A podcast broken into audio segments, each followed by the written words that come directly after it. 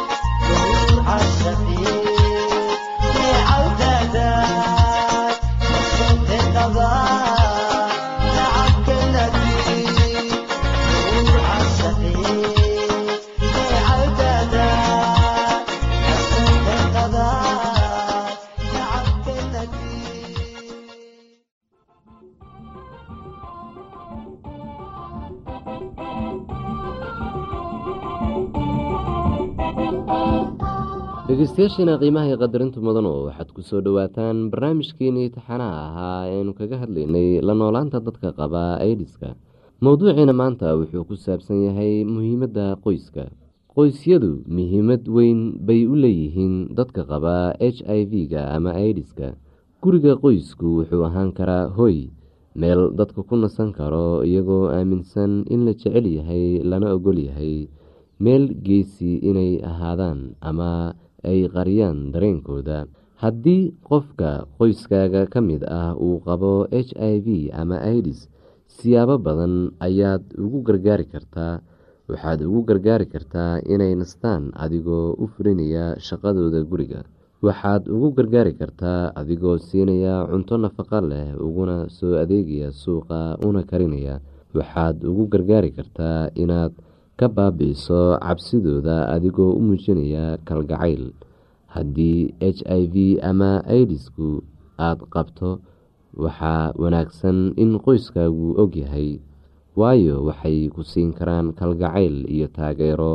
Mustaqbalkaaga ayaad qorshe u sameyn kartaa waxay kula qaybsan karaan culayska ka haystaa dhanka dhaqaalaha aada bay kuugu fududaan doontaa haddaadan qarin marxaladaada haddii qof ka mid ah qoyskaaga uu qabo idis waxaad kartaa inaad raashin iyo biyo u soo qaadid inaad dharka iyo go-yada ka dhaqdo iyo inaad kalkaalisid xasuuso haddaad qabtid h i v ama idis waxaad adeegsan kartaa aqoontaada oo aad oo dadka kale ayaad ugu gargaari kartaa waxaa qoyskaaga bari kartaa siduu u faafo idiska waxaad ugu gargaari kartaa siday ugu digtoonaan lahaayeen h i v-ga tani waa gacan ka geysashada ugu kalgacayl weyn oo aada sameyn karto. Marmarka qaarkood markuu nin uu ogaado in afadiisu ay qabto h i v ama idis wuxuu ka fogeeyaa guriga ay ku wada nool yihiin marmarka qaarkood naagta ayaa ninkeeda hadduu qabo h i v ama idis ka fogeysaa amase ka tagta kala tegiddu waxay sababi kartaa mushkilado kala duwan. Shaki kuma jiro in caruurtoodu ay dhibaatoobayaan. Caruurta waxay weligood waxay waalidkood ugu baahan yihiin kalgacayl iyo hogaamin kala tegidoodu waxay sababi kartaa inuu h i v faafo tusaale ahaan ninka naagta qaba wuxuu qabi karaa h i v laakiinse wuxuu raboon karaa inuu guursado naag kale. Naagta cusub ee uu guursado waxa ay qaadi kartaa waxa ay ka qaadi kartaa ninkeeda h i v-ga. Waxaa wanaagsan inaysan kala tegin ninka iyo naagta isqaba h i v awgii ee ay mustaqbalkooda ku dadaalaan siday nolol wanaagsan u sameyn lahaayeen mararka qaarkood qoysku wuxuu ku murmaa sababta u keentay h i v-ga. Arrintani waxay abuuri kartaa caloolxumo weyn waxayna qoyska u keeni kartaa qorshe mustaqbalka ay u sameyn kari lahaayeen oo adkaada. Waxay adayg uga dhigi kartaa inay ku noolaadaan xaqiiqada.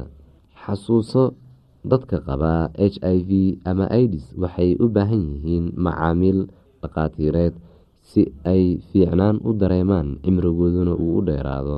Ragga xaaska leh ama qaraabo kale oo magaalada ku harsan waxay weli taageero siin karaan xubin qoyska ka mid ah oo tuurada u laabanaysa waxayna u tegi karaan booqasho. Haddii naag la qabo ay dib ugu soo noqoto tuulada waxay horay u qaadan kartaa waxyaabaha ay leedahay oo ay ku iibsatay lacagteeda xaq bayna u leedahay inay haysato waxyaabaha ay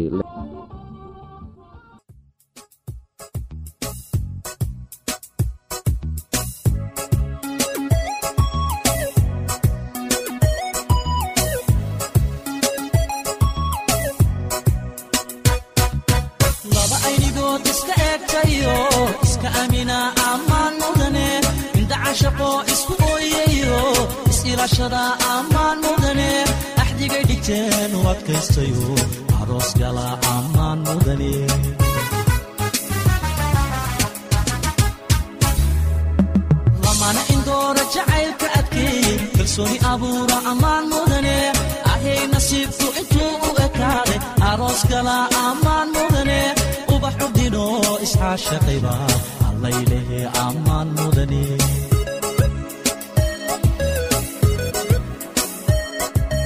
laba aynigood iska eegtayo iska aaminaa ammaan mudane indhacashaqo isku ooyeyo is-ilaashada ammaan mudane axdigay dhigteen u adkaystayo aroos gala ammaan mudane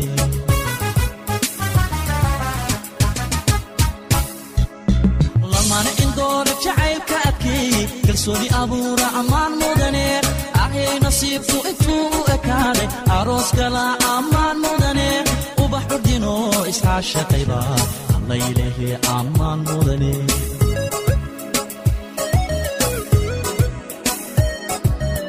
gayan isdoortaa ehelku taamaa arooskooda aqal la seesaa dhiga aslan iyo kabad la unkaa ubax cudkoonana lagu daadiyaa allaylehe ammaan waad istaahishaa guurka nolol istareex leh labay u ahaata ammaan mudane. Laba ubadkooda ku ababsho oo islaamnimo baray ammaan mudana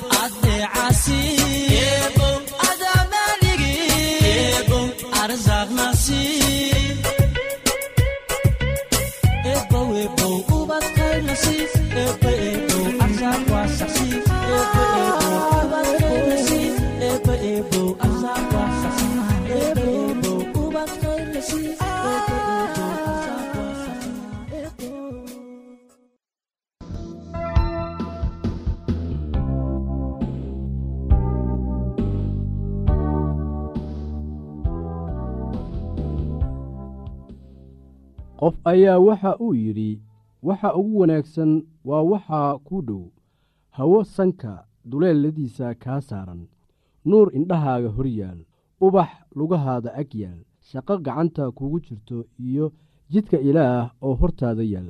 Marka waxaanad heli karin ha u howloon laakiin shaqadaada u qabso sida ay hadba ku soo wajahdo. Shaqo joogto ah iyo rootiga maalin waliba ayaa ah waxa ugu muhiimsan nolosha. Shaqada maalin walba ah way wanaagsan tahay oo ay ku jirto dhaqidda dharka xusuuso wax waliba waxay ku xidhan yihiin sida aad adiga wax u samayso. Habka dharka loogu dhaqo guryaha ayaa aad isaga beddelay meelo badan oo adduunka ka mid ah. Dadka qaar meel lagu dhaqo dharka ayaa waxa ay ka suubsadeen meesha loogu talagalay qabayska qaarna mashiinta dharka lagu dhaqo ayaa waxay dhigteen kushiinka. Qaar dharka waxay ku dhaqdaan guryaha dibaddooda iyaga oo isticmaalaya baaldi iyo weelal balballaaran qaarna waxay dharka la aadaan webiga laagta iyo ceelasha si ay dharka ugu soo dhaqdaan. Waa maxay baahida aad adigu ka qabtid xagga dhardhaqidda? Waa sidee sida ugu wanaagsan ee aad wax uga qaban kartid baahidaas. Qarash intee la-eg ayaana ku bixi kartaa waxa aad soo ogaataa baahida aad ka qabtid xagga dhardhaqidda iyo sidii aad u xalin lahayd baahidaas. Waa maxay ficilada ku jira dhardhaqidda?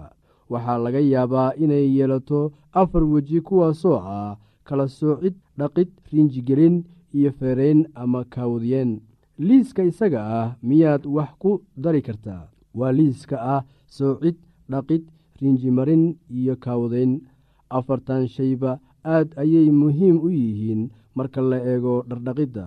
Bal aan ugu horaysiiyo soocitaanka waxaad u baahan tahay si aad dharka u kala soocdid si aad natiijo wanaagsan u hesho isu mir dharka isku nooc ah oo isku meesha lagu wada dhaqi karo. Tusaale dharka cad kuwa nayloonka iyo suufka ku wada dhaqoo xiro loo yaqaano iyo kuwo rinjiga culus leh marka aad dharka kala soocaysid fiiri jeebabka oo dhan oo fatash oo haddii ay wax ku jiraan ka saar. Fiiri sidoo kale in dharku leeyahay wax badhimo ah. Badhimaha qaar waxaa loo baahan yahay inaad nadiifiso inta aanad dhaqin dharka. Maxaa wacay? Waxaa laga yaabaa inuu dharka kale haleeyo ama badhintu bixi weyso. Daahyada iyo bustayaasha waa dhar culus waxayna u baahan yihiin dhaqitaan qaas ah dharka cadcad waxay u baahan yihiin in daawada bliij loo yaqaano lagu daro si ay cad u sii noqdaan. Waxaan kulli waxay ku xidhan tahay habka aad isticmaalaysid marka aad dharka dhaqaysid. Qaar waxay isticmaalayaan mashiinta dharka lagu dhaqo taasoo ah in la cabiro iyada oo la isticmaalayo nambaro iyo batoono lagana tusaale qaadanayo dharka noociisa iyo badnaantiisa nooc kasta oo ka mid ah dharka waxa uu u baahan yahay dhaqaalin gaar ah. Dhardhaqidda la isticmaalayo gacmaha ayaa ah mid adduunyada ka caan ah. Waxaa jira saabuuno badan oo loo isticmaalo dhardhaqidda baryahan dambe. Oo kambani kasta oo soo saaro saabuunta dhardhaqidda ayaa waxa uu sheegayaa in tiisa ugu wanaagsan tahay. Qaar badan oo saabuuntaasi ah tijaabi si aad u ogaatid tan kugu fiican dharkaaga una roon gacmahaaga. Saabuunta qaar ayaa waxa ay gacmahaada u yeelaysaa jilfo iyo jeexjeextin. Saabuunno kalena gacmahaaga waxa ay ku dhaafayaan qoyaan iyo nugeyl. Waxaa jira saabuunno adag iyo kuwo budo ah oo laga kala soo saaro meelo kala duwan.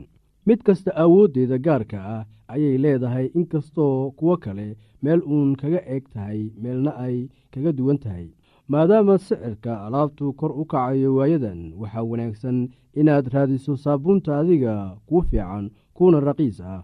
Waa inay dhar badan dhaqi karto iyada oo u dhaqaysa sidii la doonayey oo aanay weli soo harayso si dhar kale loogu dhaqo.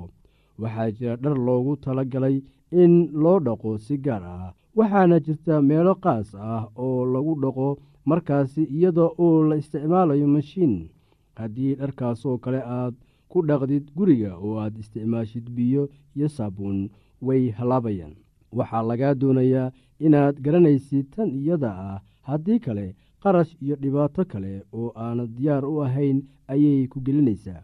Bal ka waran qalajinta sidee baad dharkaaga u qallajisaa haddii aad haysid mashiinta dharka lagu dhaqo waxaa wanaagsan inaad aqridid shuruudaha ku qoran si aad u ogaatid habka ay u shaqayso.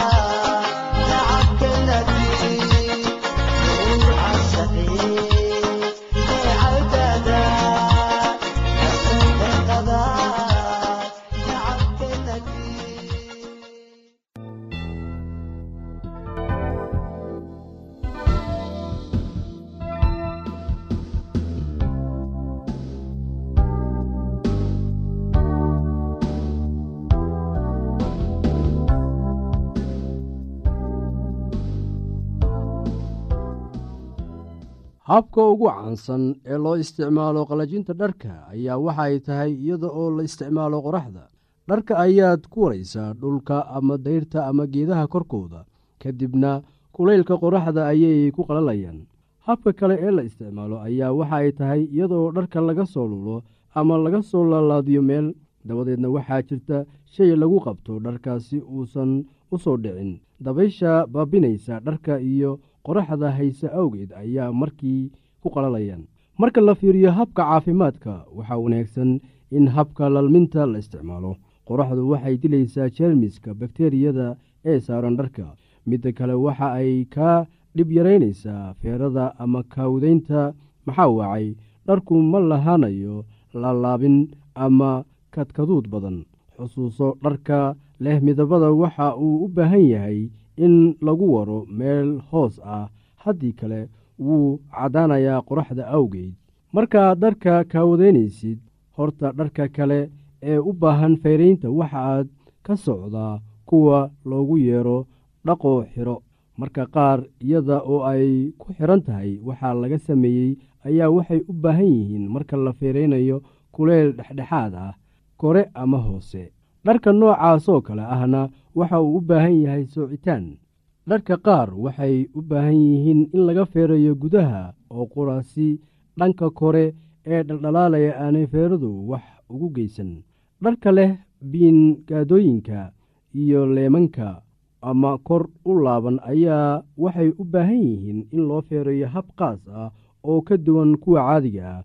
Laakiin xitaa tan way iska caddahay sidee baad u laalaabaysaa dhar aanan kaawadaysnayn qof ayaa waxa uu yidhi qofka waxa aad ka garan kartaa dharka uu xidhan yahay xagga nadaafadda habboonaanta dharka wanaagsan adigana wuu kuu fiican yahay kuwa ku eegayana sidoo kale. Bal walaalayaal aan haatana idin xusuusiyo waxyaabihii aan horay uga soo hadalnay. Qof ayaa waxa uu yidhi waxa ugu wanaagsan waa waxa kuu dhow hawo sanka duleeladiisa kaa saaran nuur indhahaaga hor yaalla ubax lugahaada ag yaal shaqo gacanta kugu jirto iyo jidka ilaah oo hortaada yaal marka waxaanad heli karin ha u howloon laakiin shaqadaada u qabso sida ay hadba kuu soo wajahdo shaqo joogto ah iyo rootiga maalin walba ayaa ah waxa ugu muhiimsan nolosha.